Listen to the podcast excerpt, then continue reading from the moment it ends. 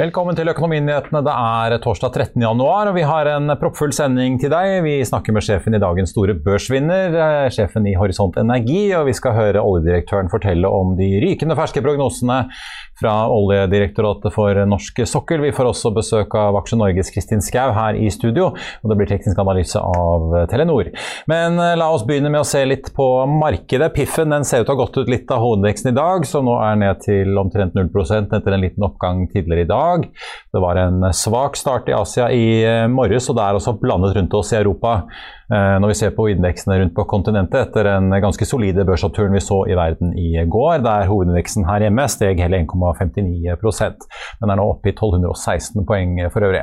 Futuresene på Wall Street de peker mot en eh, start rundt null i USA om en times tid. Og oljeprisen den eh, har hatt en solid opptur tidligere denne uken, men i dag er den ned en halv prosent i spotmarkedet på nordsjøoljen. og Et fat brent koster nå 84 dollar og 40 cent. Den amerikanske ligger 2,2 dollar under det.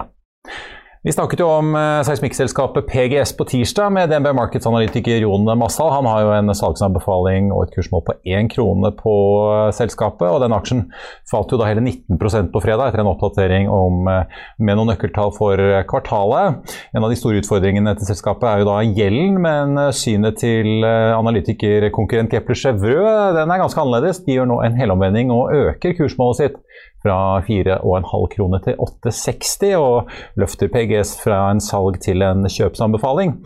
PGS-aksjen var opp så mye som 16 i dag, men har roet seg etter hvert. Men ligger fortsatt eh, opp litt over 8% til snaue 4 kroner aksjen. Kepler skiller seg fra resten av analytikergjengen som dekker selskapet. De venter en sterk økning i inntekter og driftsresultat i både år og neste år, men forventer likevel et tøft fjerde kvartal 2021 når de tallene eh, legges frem om ikke så lenge. Kepler mener at eh, PGS er godt posisjonert med konkurrenten Sharewater, nå som antallet streamere i bransjen er på et historisk eh, lavt nivå. Jeg tar for øvrig med at TGS, konkurrenten altså, er ned 2,2% på Oslo Børs i dag. Harmony Chain er en aksje som også har skutt opp i dag. Den stiger ja, rundt 13% på en intensjonsavtale med et asiatisk selskap. Konsernsjefen karakteriserer avtalen som banebrytende.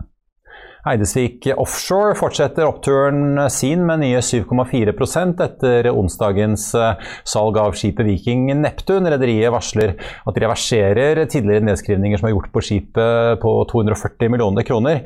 I tillegg så får de en gevinst eh, fra salget på 150 millioner på toppen av dette. Og Samlet sett sier Eidsvik at de får økt likviditeten sin med 330 milliarder, og at det også blir en økning av den bokførte egenkapitalen. Spetalen-selskapet Bergen Carbon Solutions melder at de har inngått en avtale om å kjøpe en femmål eh, stor tomt i Mosjøen for 3,6 millioner. Dette skal bli beliggenheten for den første karbonnanofiberfabrikken til eh, Bergen Carbon. Den aksjen er opp 0,4 i dag, men eh, så langt i år har den faktisk steget hele 12 før vi går videre, så vil jeg bare minne om at eh, hvis ikke du rekker å se denne sendingen, så kan du også høre den som podkast ved å søke opp Økonominyhetene på Spotify, Apple Podkast eller der du hører på podkast. Da skal vi over til det som altså er dagens store vinner i aksjemarkedet, og en av de store snakkisene i markedet, nemlig Horisont Energi. Sent i går ble det nemlig klart at den tyske energigiganten E.ON kommer inn med friske penger og både blir ny eier og samarbeidspartner for Horisont. Ifølge sjefen i selskapet markerer dette et nytt kapittel for uh, selskapet. og Vi tok en uh, prat med han uh, på videolink fra Sandnes litt tidligere i dag.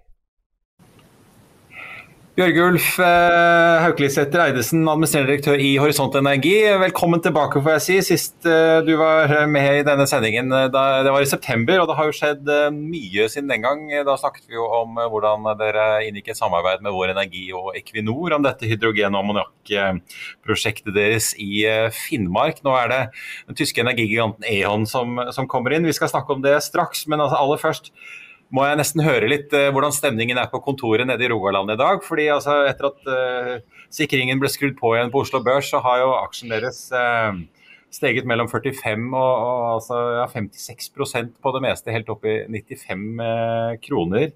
Det har jo vært gull for aksjonærene, både Øystein Strausbetalen, Saga Pure og de ansatte, og også deg. Hvordan, hvordan kjennes det? Det er, jo, eh, det er, jo, en fantastisk dag for oss. Dette er en merkedag. Å få en sånn en respons fra aksjonærene si, tillitserklæring og det å kunne gi aksjonærene tilbake igjen verdier for den investeringen gjort i selskapet, det føles jo fantastisk. Og for alle som jobber her, som har vært med å bidra til at dette skjer, så er jo dette en fantastisk dag. Og det, det er sjelden du får oppleve sånne dager som dette. Ja, altså det, Nå er det jo en del av de ansatte hos deg som har nylig fått opsjoner, og du sitter jo eh, med nesten en tredel av selskapet. Du sitter jo per i dag, i hvert fall, før, før nye aksjer trykkes opp med, med, aksjer for en halv milliard. Er, klarer du liksom å ta det inn over deg? Nei, jeg klarer ikke det. det, er, det, er som, det er som store verdier at en, klarer ikke å ta det inn over seg hva, hva det betyr. og at Forskjellen på det kursen var i går og i dag er jo veldig stor. Men det er, det er to store tall. Eh, og dette tallet i dag er enda større enn i går. Men det, det er jo eh, en fantastisk tilbakemelding. Det er først og fremst kjennes sånn som fra aksjonærene til oss på, på, det som vi har klart å skape av verdier og, og framtid for, for, selskapet. Men uh, det, det, sånne tall det, det, blir vanskelig å ta inn over seg. Det, jeg trenger nok litt tid på det. Ja. Du, vi, må, vi, må, snakke litt eh, om, om, hva dere faktisk da eh, driver med og hva som skal skje nå. Eh, dere har jo da vært kjent, mest kjent for dette prosjektet i Finnmark hvor dere skal ta naturgass og lage ammoniakk og fange karbonet. Nå kommer altså den tyske energigiganten E.ON inn med 371 millioner kroner i, i frisk kapital. De blir sittende med en fjerdedel av eierskapet i selskapet. men kan ikke du forklare litt hva dere egentlig skal gjøre sammen med E.ON? For dette handler jo ikke om dette prosjektet i Finnmark primært? Nei, det gjør ikke det. det i, som selskap så har vi lagt til grunn to forretningsområder som vi satser på. Det ene er jo da karbonlagring eh, til tredjepart og i forbindelse med negative utslipp. Og den andre er ammoniak, ren ammoniakkproduksjon, både blå og grønn. Altså grønn fra fornybare energikilder og blå fra naturgass med CO2-fangst og -lagring. Så Når vi skal samarbeide med E.ON, eh, så forsterker vi jo forretningsmodellen i Horisont med at vi nå får på plass en samarbeidspartner, en langsiktig strategisk samarbeidspartner som komplementerer virksomheten innenfor tredjeparts karbonlagring. Der da E.ON vil kunne fange og væske flytengjøre CO2 fra sin eh, kundebase inn i industrisegmentet. De har en stor eksisterende kundemasse som etterspør avkarbonisering. Her kan E.ON tilby fangst og flytnyring. Vi kan ta den CO2-en, transportere den og lagre den på norsk sokkel og tilby en komplett tjeneste for avkarbonisering av E.ON sin industrikundebase. Både eksisterende og nye kunder. Ja, Det som skjer egentlig er at man eh, henter CO2 fra tysk industri og, og lagrer det på, på, norsk sokkel. og Det er det E.ON som gjør første delen, og dere gjør den andre delen? Ja, og E.ON er lokalisert i dag i 15 land. Sånn at eh, Her snakker vi ikke bare om Tyskland, her snakker vi om bortimot hele Europa. Eh, I tillegg så skal en jo fange og lagre det vi kaller for biogen CO2. Altså CO2 som ikke bidrar til økt konsentrasjon av CO2 i lufta, men som er en del av det naturlige kretsløpet. Når vi lagrer sånn CO2, så trekker du CO2 ut av luft og bidrar med det en kaller for et negativt utslipp.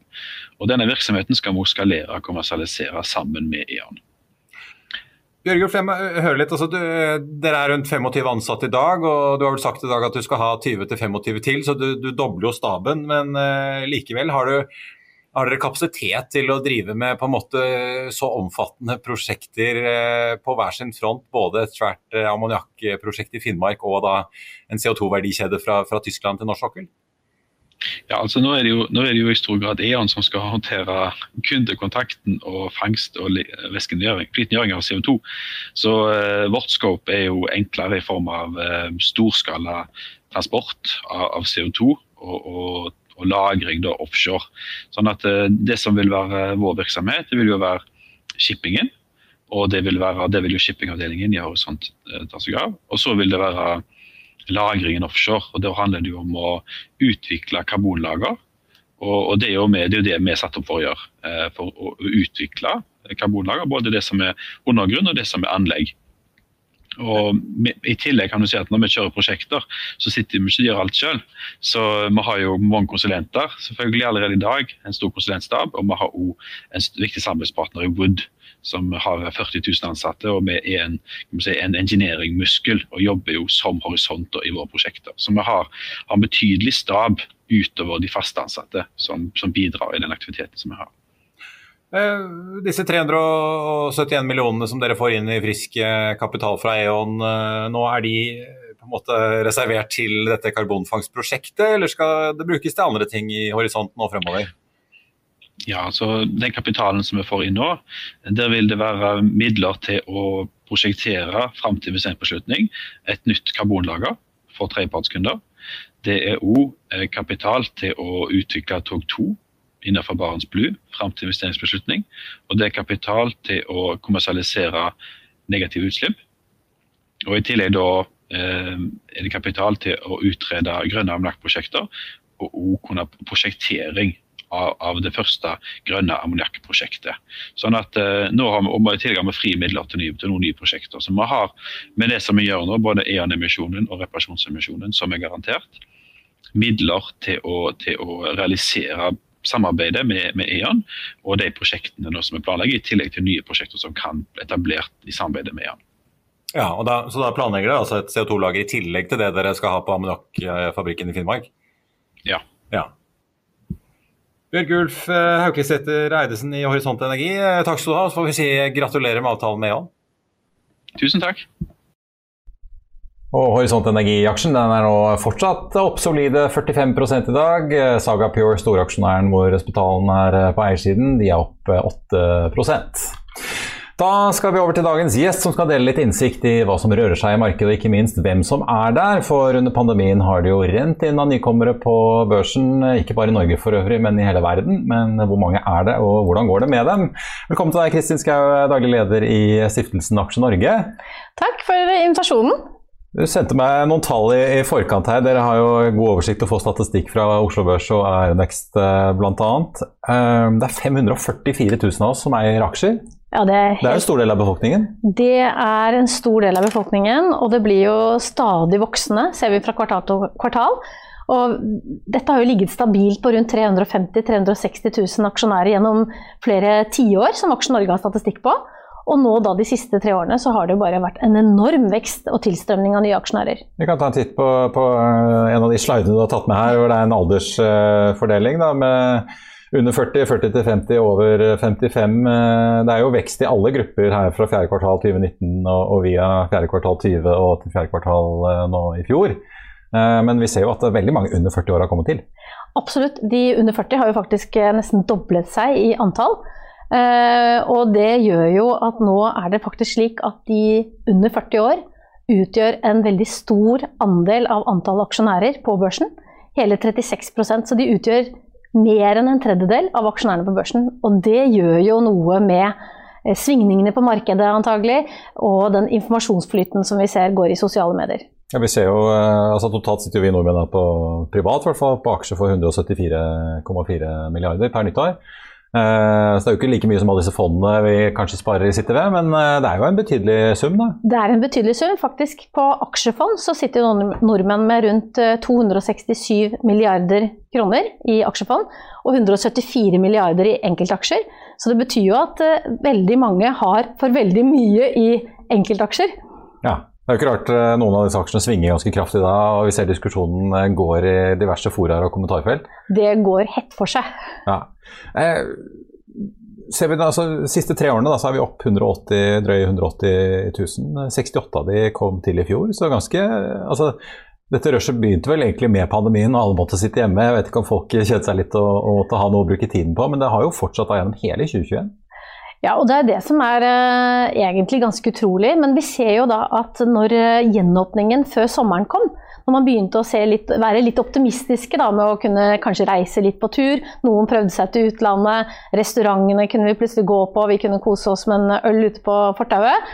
Eh, det gjorde også noe med antall aksjonærer. Så det vi så var at antall aksjonærer blant de yngre, begynte, den veksten der begynte å dabbe litt av.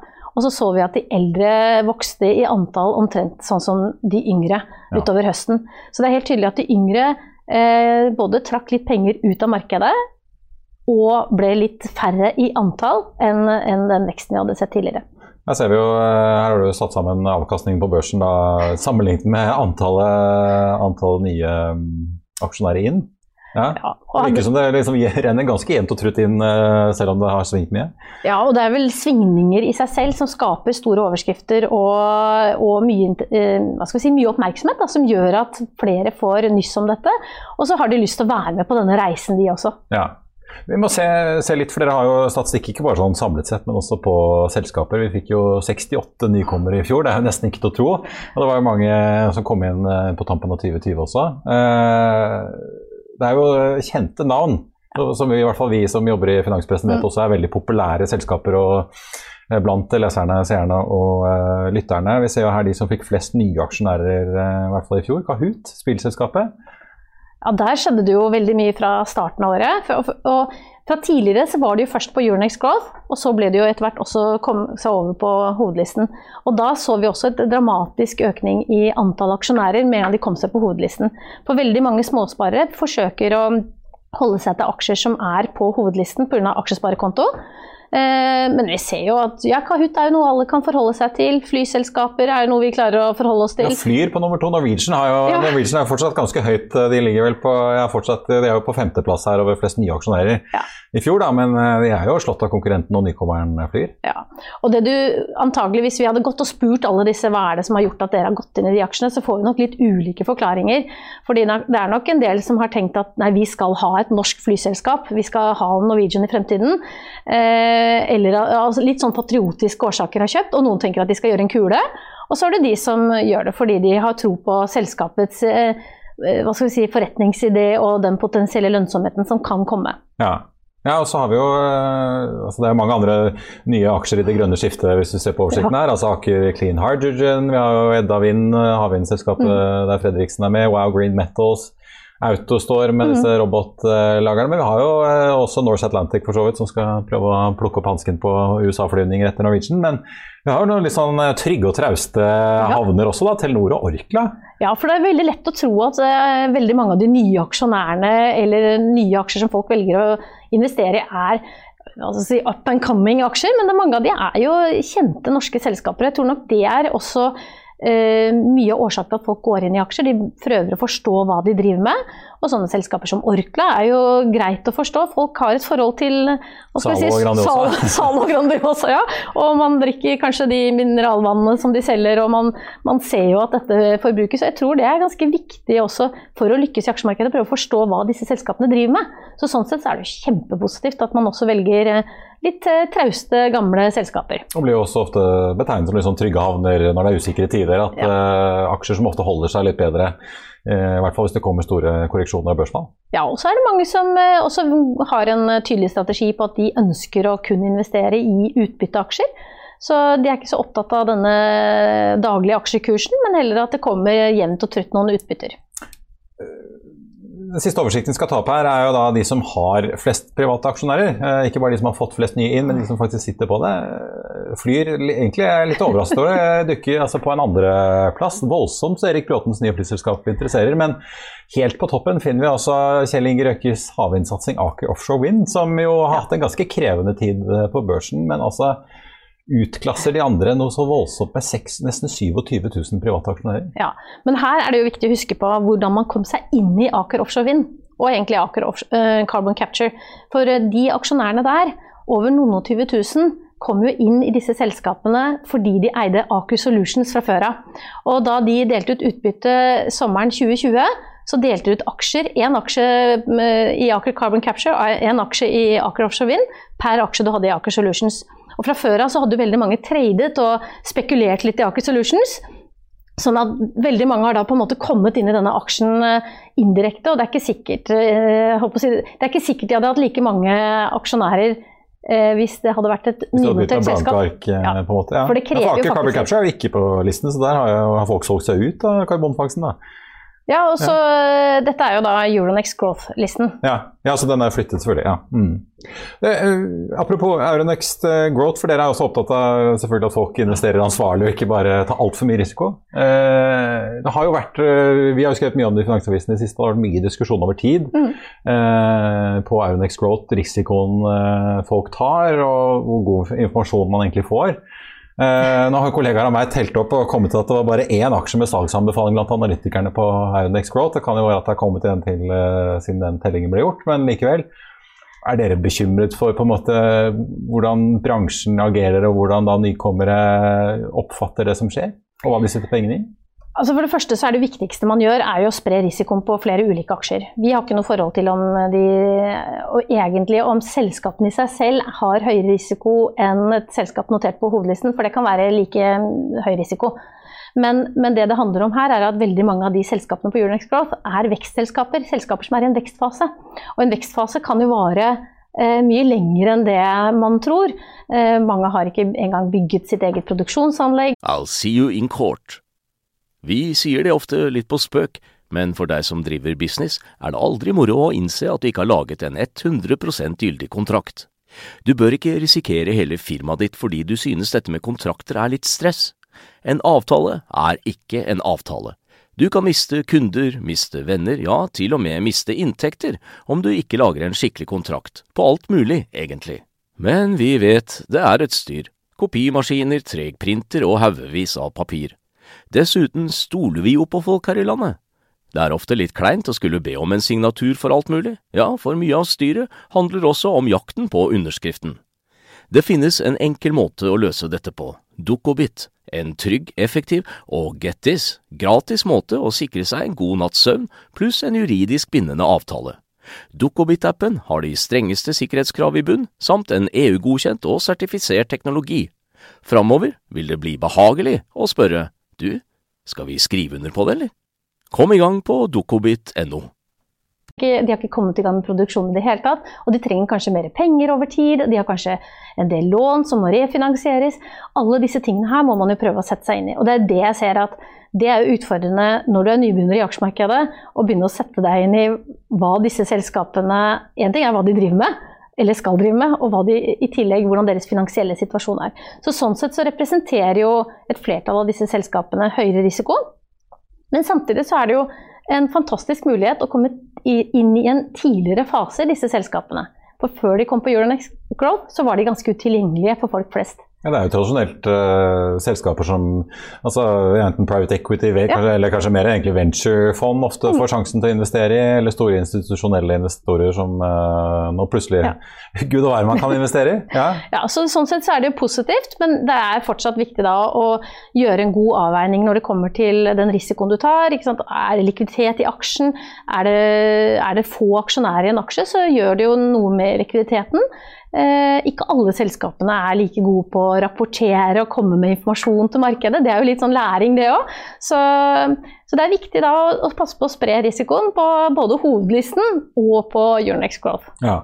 Men altså, man, eh, altså, har dere noe liksom, oversikt over da hvordan fordelingen er. Er det sånn at, uh, at folk har disse enkeltaksjene som gjerne svinger litt som, som krydder, eller er det sånn at folk si, spiller seg fra gård og grunn, som man sa i gamle dager, uh, ved å sette, sette i aksjer som altså, selv store fornybare aksjer som Skatek, som vi så liksom ble halvert på ganske få måneder uh, her i fjor? Det vi ser er jo at De aller fleste investerer jo for mesteparten av pengene sine i hovedlisten, aksjene der. Og så er det noen som også investerer på Euronex Growth. Eh, og der er jo menn overrepresentert i forhold til kvinner. Så kvinner er, er ikke så eh, opptatt av å gå på Euronex Growth eh, eller søke denne risikoen. Men når vi ser at først når kvinner og menn går på Euronex Growth, så er det ganske likt fordelt hvilke aksjer de velger, faktisk. Ja. Men andelen kvinner er betydelig lavere på Euronex Growth enn den er på hovedlisten. Ja, og sånn er det vel generelt i aksjemarkedet fortsatt, at uh, menn sparer mer i aksjemarkedet enn kvinner gjør? Kvinner, ja, kvinner er uh, færre i antall, uh, og færre har lavere investeringsvolum. men vi ser jo da at faktisk den veksten vi hadde i 2021, prosentvise veksten, den er større hos kvinnene, både i antall kvinner som begynner å investere, og i kronebeløp som de investerer. Ja, så Jeg vet ikke hvor mye denne kampanjen til DNB har fått uh, kvinner til å få ut fingrene, men uh, det har blitt en bedring i hvert fall. Absolutt, og, og, og det påvirker jo andre ting vi gjør òg, sånn som pensjonen vår. Innskuddspensjonen, det er jo også aksjer. Så 1,5 millioner av oss kan jo gjøre der aktive valg uten å gå inn med en ny krone. Ja. Eh, hva tenker du til slutt, Kristin, blir det viktigste i året som kommer nå? Da? Er det liksom noe stort dere jobber for å få til av endringer eller noe sånt i dette aksjemarkedet? Dere er jo ute mye og taler småsparernes sak. Ja, altså Vi jobber jo ikke med aksjonærrettigheter, men vi forsøker å sikre at folk har mul best mulig informasjon og kunnskap før de gjør beslutninger. Eh, det viktigste er jo tilbake til diversifisering. Vi ser jo at 84% har færre enn anbefalt eh, antall aksjer. Og så kan man si at ja, men en veldig stor andel har aksjefond.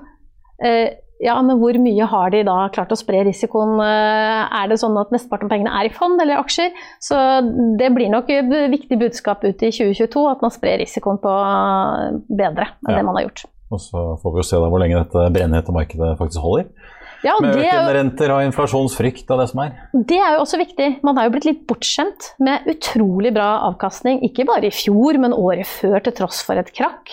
Altså, vi hadde en oppgang på 4,5 til tross for at børsen falt med over 30 eh, Og vi har egentlig ti år med sammenhengende oppgang på børsen. Og det, det gjør noe med mentaliteten. og det, det, der Så jeg tenker at folk må liksom kanskje forvente litt lavere avkastning og være litt mer nøkterne med høyere renter. Ja, for det er, det er en ganske stor andel i aksjemarkedet nå som eh, på en måte Ja, de, de var ikke med i finanskrisen, for å si det sånn. Nei. Nei. Så, og det så vi jo etter både IT-bobla og finanskrisen at det var veldig mange aksjonærer som falt fra, og store verdier som gikk tapt, og aldri kom inn i aksjemarkedet igjen. Um, og det vi nå håper, da, er jo at uh, man har en god plan for denne, de investeringene man gjør. Uh, at man følger med, at man ikke bare putter det i skuffen og glemmer det. For det skjer jo masse ting, spesielt på disse nye selskapene som trenger stadig penger. og har emisjoner og du kan eh, stå i fare for utvanning. Så det er de, de klassiske tingene som eh, blir viktige i år også. Det gjelder å holde seg oppdatert. Ja. Kristin Skau i Aksje Norge, tusen takk for at du kom til oss.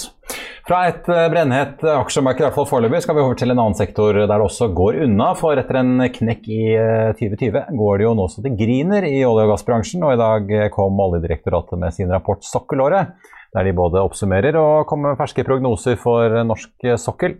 Hva som skjer der påvirker jo en rekke selskaper på Oslo Børs, og vi har pratet med oljedirektør Ingrid Sølvberg. Bare se her. Oljedirektør Ingrid Sølvberg, takk for at du er med oss. Eh, dere melder jo om rekordhøye inntekter på sokkelen i eh, fjor. Eh, kan ikke du si litt om, om, hvordan året egentlig var, og ikke minst også hvordan produksjonen så ut med disse rekordhøye inntektene?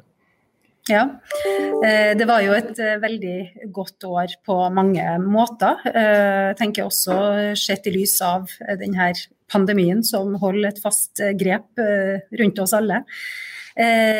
På leitesida så, så vi jo at det ble bora mange leitebrønner med en høy funnrate, noe som vi syns er, er veldig bra. Eh, så tilførselen av nye ressurser gjennom leiting var jo eh, veldig god i, i eh, året som gikk. Så var det også en veldig god og høy produksjon fra felt i drift. Og vi ser jo bl.a. nå at produksjonen fra Johan Sverdrup den bidrar veldig godt på oljesida. Så, så alt i alt så var det et godt ord, år både på leiting og produksjonssida.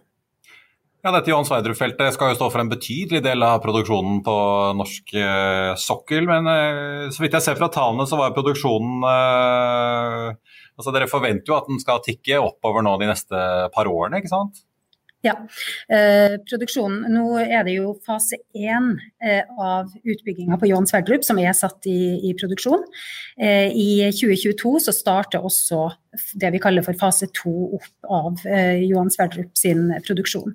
Og når eh, produksjonen fra både fase én og fase to er, er, godt i gang, så ser vi faktisk at den eh, produksjonen vil, altså oljeproduksjonen da, vil utgjøre ca. 35% av, eller mellom 30 og 35 av den totale oljeproduksjonen fra norsk sokkel i en eh, periode.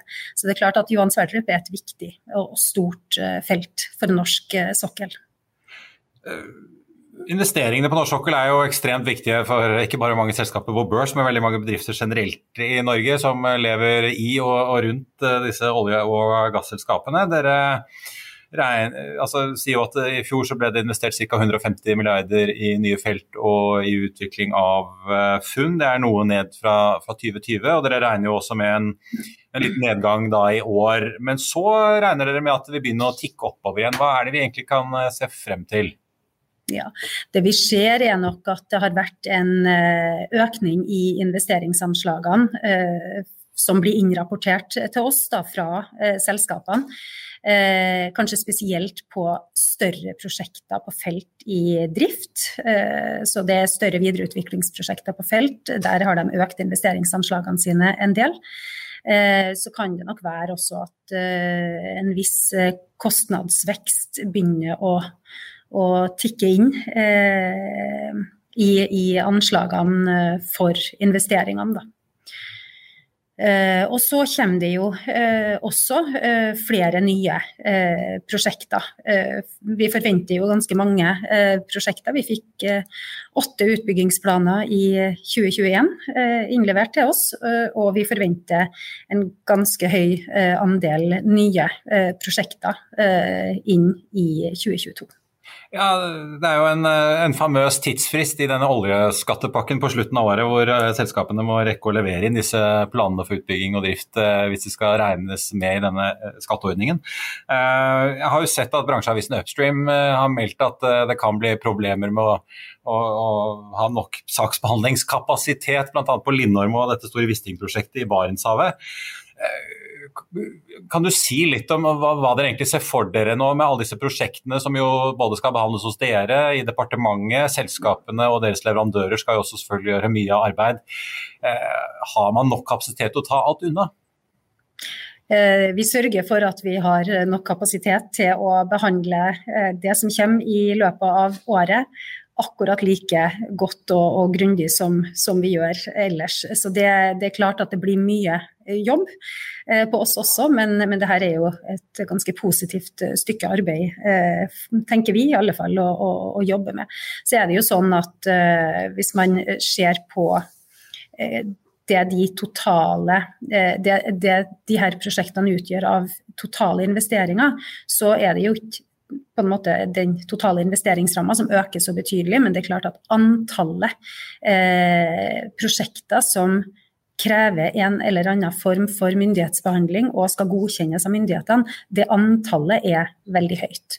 Eh, men det er jo ikke sånn at det er store, flere titalls store eh, utbyggingsplaner for selvstendige felt som kommer, men det er en, en blanding av både større og litt mindre eh, investeringsbeslutninger som krever en myndighetsbehandling og en myndighetsgodkjenning. Mye satellittfelt og utvidelser av eksisterende anlegg. men nå som disse oljeselskapene tross alt har disse tidsfristene på seg, ser du noen risiko for at man forhaster seg og blir sittende igjen med prosjekter som er for dårlige Eh, hvor forarbeidet er for dårlig, og at man kanskje tar investeringsbeslutninger som viser seg i ettertid og ikke gi så gode prosjekter. Vi så jo denne uken eh, bl.a. Eh, hva som skjedde på Mariner-feltet på britisk sokkel, hvor man har skrevet ned betydelige milliardverdier fordi det viser seg å være mindre olje enn det man trodde. Eh, det som eh, Måten vi jobber på, eh, er jo at vi som eh, ressursmyndighet følger prosjektene fra en veldig tidlig fase. Så vi har jo en veldig tett og god dialog med alle rettighetshaverne eller operatørene, også når de driver og modner frem de her prosjektene. Og vi har flere milepælspunkter når de selskapene driver og modner frem prosjektene. Så, så løpende følger jo vi opp de eh, prosjektene som er i en modningsfase, og vi stiller spørsmål og ber om utredninger underveis.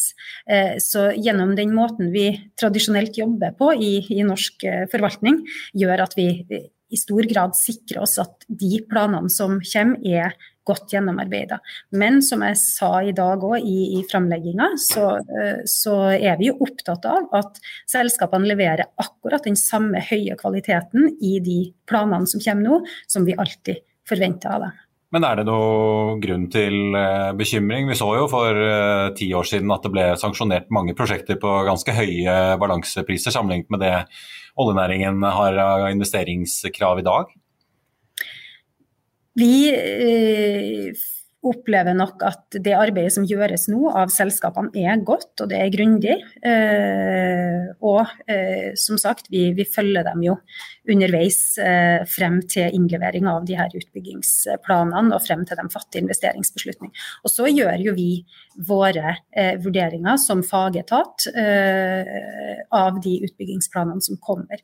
Og skulle det nå være sånn at de utbyggingsplanene som vi får innlevert til oss, eh, hvis vi og våre fagfolk mener at det er noe som mangler, eller noe som burde utredes nærmere, eller noe som kanskje ikke er godt nok, så eh, vil vi jo eh, foreslå at det, det stilles noen vilkår, f.eks. For eh, i forbindelse med en eventuell godkjenning eh, av de her utbyggingsplanene som eh, Olje- og energidepartementet gjør. Vi noterer oss eh, den kan du si litt om, altså du, du, snakket jo om at uh, du var fornøyd med leteresultatene i fjor. Uh, men er det sånn at nå disse veldig store inntektene som olje- og gasselskapene får med de høye prisene vi ser i markedet, er det sånn at dette drysser ned ut i leting og aktivitet i nye prosjekter, eller holder uh, selskapene litt igjen på de, den veldig store inntekten de har nå?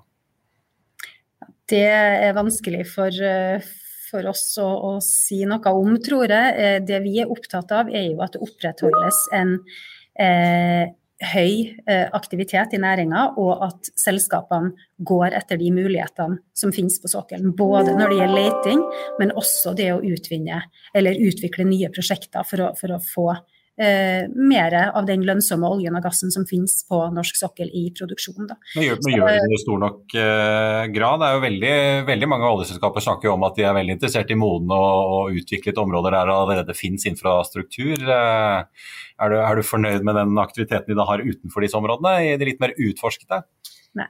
Det var vi jo så vidt inne på også i dag i, i fremlegginga. Det er jo klart at uh, vi er veldig fornøyd med at det er en høy leteaktivitet i områdene nær de eksisterende feltene. Uh, det, uh, det, som blir funnet nær eksisterende felt, det krever jo ofte litt lavere investeringer for å få satt i produksjon.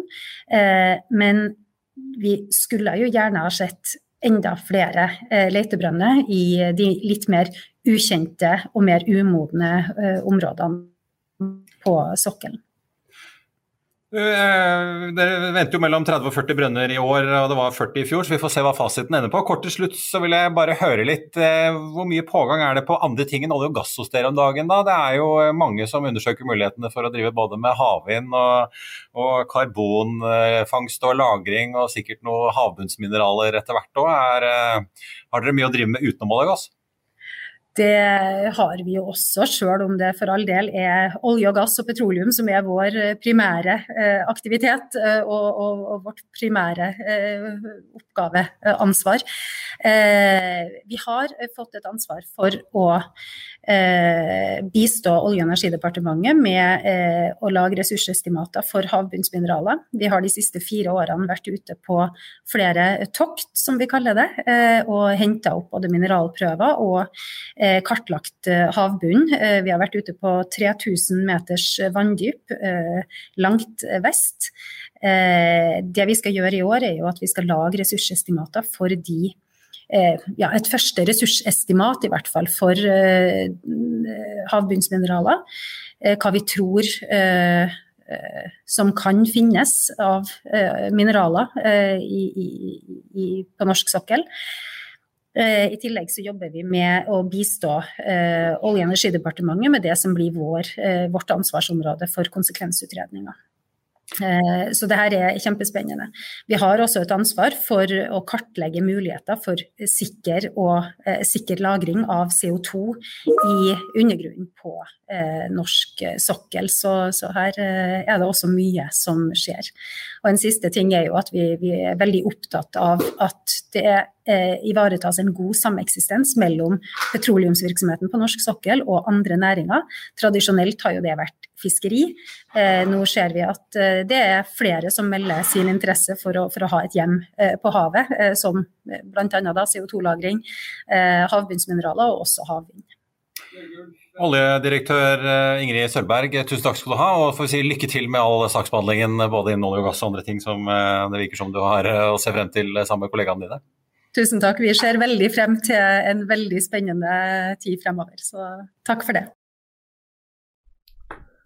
Vi tar med at både R8 Property og mobilselskapet Nortel, begge på Aronex Growth, melder i dag om at de har inngått markedspleieavtaler med Sparebank1 Markets. Målet med avtalen er å få opp likviditeten i de to aksjene. Det er også med at det har kommet melding fra Kobo Minerals. Den aksjen har hoppet opp ca. 9% nå i ettermiddag. I meldingen skriver selskapet at de har funnet gull på 205 meters dybde i uh, Segel-gruven. Det er 50 meter lenger ned enn det selskapet meldte om 4.11. kommer frem i uh, meldingen.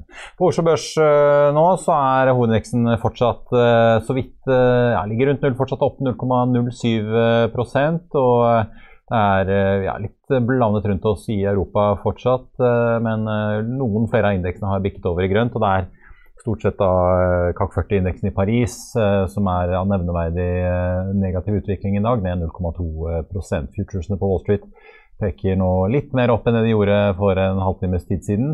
Opp 0,2 eh, på Nasdaq, og SMP ligger opp 0,17. Ser vi på listen over de mest omsatte aksjene, så er det tre røde på toppen. Equinor og Aker BP er begge ned 1 Norsk Hydro ned 0,25 Etter det så kommer MPC eh, Container opp 2 eh, Horisont Energi, som vi snakket om tidligere i sendingen, er fortsatt opp 45 eh, i dag, til rett under 95 kroner aksjen. Etter nyheten om at tyske E.ON også går inn på eiersiden og spytter inn 371 millioner kroner i frisk kapital i selskapet. Flyselskapet Flyr ligger opp 3,6 i dag. Det pågår jo som vi vet, en eh, tegningsprosess i emisjonen i selskapet der de skal hente 250 millioner eh, kroner. Seismikkaksjen PGS opp 8,7 etter eh, svært positive utsikter fra meglerhuset Kepler Chevreux. I Finansavisen i eh, morgen kan du lese Trygve Hegnars leder om eh, hvordan og hvorfor meningsmålinger eh, og regjeringens problemer Den skal vi ta om igjen. Du kan lese Trygve Hegnars leder om meningsmålinger og hvorfor regjeringen har så mye problemer. Du kan lese om forsikringsselskapene som begynner å få inn skademeldinger og krav etter stormen Gyda, og du kan lese om norske småsparere som hamstrer Facebook-aksjer, det som nå altså er kjent som selskapet Meta. Det var det vi hadde for i dag. I morgen er det fredag, så da er vi på luften igjen klokken 13.30. I mellomtiden får du som alltid siste nytt på fa.no. Takk for at du så på, og så ses vi igjen i morgen.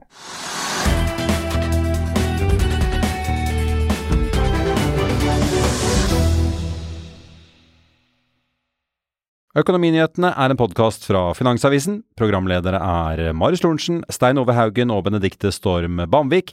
Produsenter er Lars Brenden Skram og Bashar Johar. Og ansvarlig redaktør er Trygve Hegnar.